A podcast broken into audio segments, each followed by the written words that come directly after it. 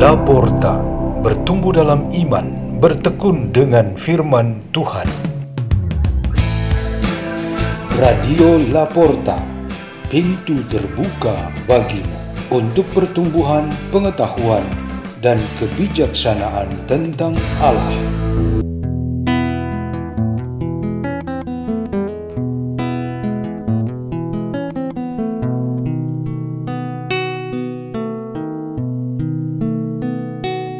Bacaan dan Renungan Sabda Tuhan hari Sabtu Pekan ke-16 Masa Biasa 29 Juli 2023 Peringatan Santa Marta, Maria, dan Lazarus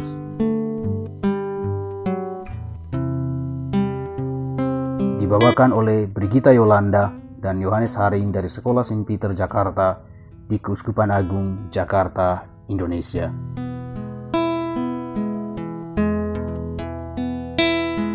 Inilah Injil suci menurut Yohanes. Menjelang hari raya Paskah, banyak orang Yahudi datang kepada Marta dan Maria untuk menghibur mereka berhubung dengan kematian saudaranya.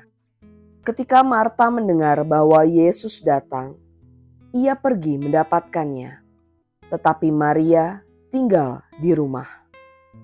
Maka kata Marta kepada Yesus, Tuhan, sekiranya Engkau ada di sini, saudaraku pasti tidak mati.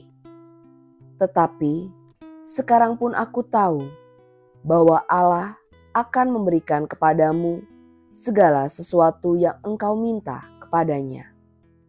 Kata Yesus kepada Marta, "Saudaramu akan bangkit." Kata Marta kepadanya, "Aku tahu bahwa ia akan bangkit pada waktu orang-orang bangkit pada akhir zaman. Jawab Yesus, Akulah kebangkitan dan hidup. Barang siapa percaya kepadaku, ia akan hidup walaupun sudah mati. Dan setiap orang yang hidup serta percaya kepadaku tidak akan mati selama-lamanya. Percayakah engkau akan hal ini?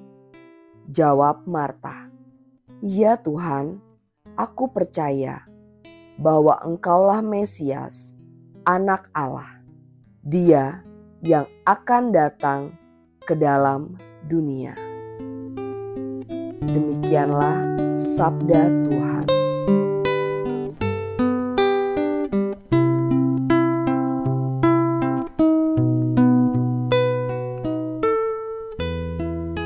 Renungan kita pada hari ini bertema darah perjanjian.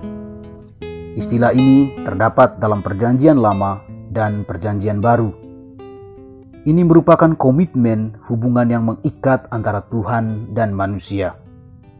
Musa meyakinkan umat Israel untuk percaya teguh kepada Allah, dan sebagai tandanya dibuatlah perjanjian dengan korban domba sembelihan lalu darahnya direcikkan ke setiap orang. Umat Israel menandahkan penghapusan dosa dan pembebasan orang-orang dari segala bentuk kesulitan hidup dengan darah perjanjian ini.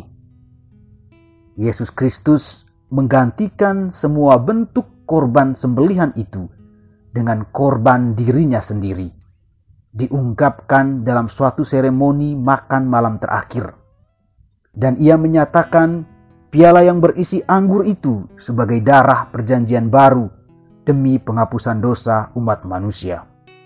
Setelah kata-kata itu terucapkan, menyusul ialah tindakan penyerahan dirinya untuk dihukum mati di kayu salib. Darah perjanjian baru ini terjadi pada hari Kamis putih malam dan Jumat Agung.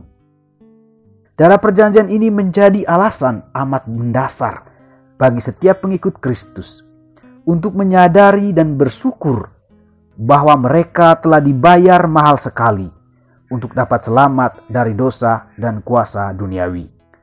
Ini juga menjadi alasan bagi setiap orang yang merasa terpanggil untuk menumpahkan darahnya bagi suatu kesucian hidup dan kebaikan sesamanya. Mereka ini menjadi martir-martir yang kita kenal di dalam gereja. Namun menjadi martir saat ini tidak pakai lagi penumpahan darah seperti dulu zaman gereja masih di bawah ancaman penganiayaan atau pada waktu para misionaris pertama kali mengevangelisasi pelosok-pelosok dunia. Martir zaman sekarang mendasarkan diri pada nilai Injili, yaitu bermodelkan Yesus Kristus sebagai jalan, kebenaran, dan kehidupan. Di dalam praktiknya, orang mendedikasikan atau mempersembahkan hidupnya dalam bekerja dan melayani.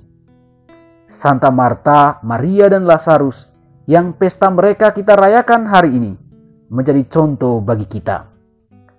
Kepekaan dan tanggung jawab bagi sesama dan keadaan di sekitar kita merupakan bagian dari panggilan kemartiran kita. Begitu ada kesulitan, penderitaan, kekurangan, dan kebutuhan yang terjadi, kiranya kita menjadi seperti ketiga sahabat Yesus ini yang bertindak untuk memberi solusi. Namun kita tidak hanya berguna bagi sesama melalui kerja dan pelayanan, kita perlu imbangi dengan semangat hidup rohani melalui doa, bimbingan rohani, liturgi, sakramen, pendalaman iman, dan firman Tuhan. Maria dan Lazarus dapat menjadi contoh untuk kita. Kita sesungguhnya memerlukan keseimbangan hidup jasmani dan rohani kita. Marilah kita berdoa. Dalam nama Bapa dan Putra dan Roh Kudus. Amin. Ya Tuhan Yesus, Engkaulah jalan, kebenaran, dan kehidupan kami. Maka kami mohon supaya hidup dan pekerjaan-pekerjaan kami senantiasa berada di dalam penyelenggaraan-Mu. Bapa kami yang ada di surga, dimuliakanlah namamu, datanglah kerajaan-Mu, jadilah kehendak-Mu di atas bumi seperti di dalam surga. Berilah kami rezeki pada hari ini, dan ampunilah kesalahan kami, seperti kami pun mengampuni yang bersalah kepada kami. Dan janganlah masukkan kami ke dalam pencobaan, tetapi bebaskanlah kami dari yang jahat. Amin. Dalam nama Bapa, Putra, dan Roh Kudus. Amin. Radio Laporta, pintu terbuka bagimu.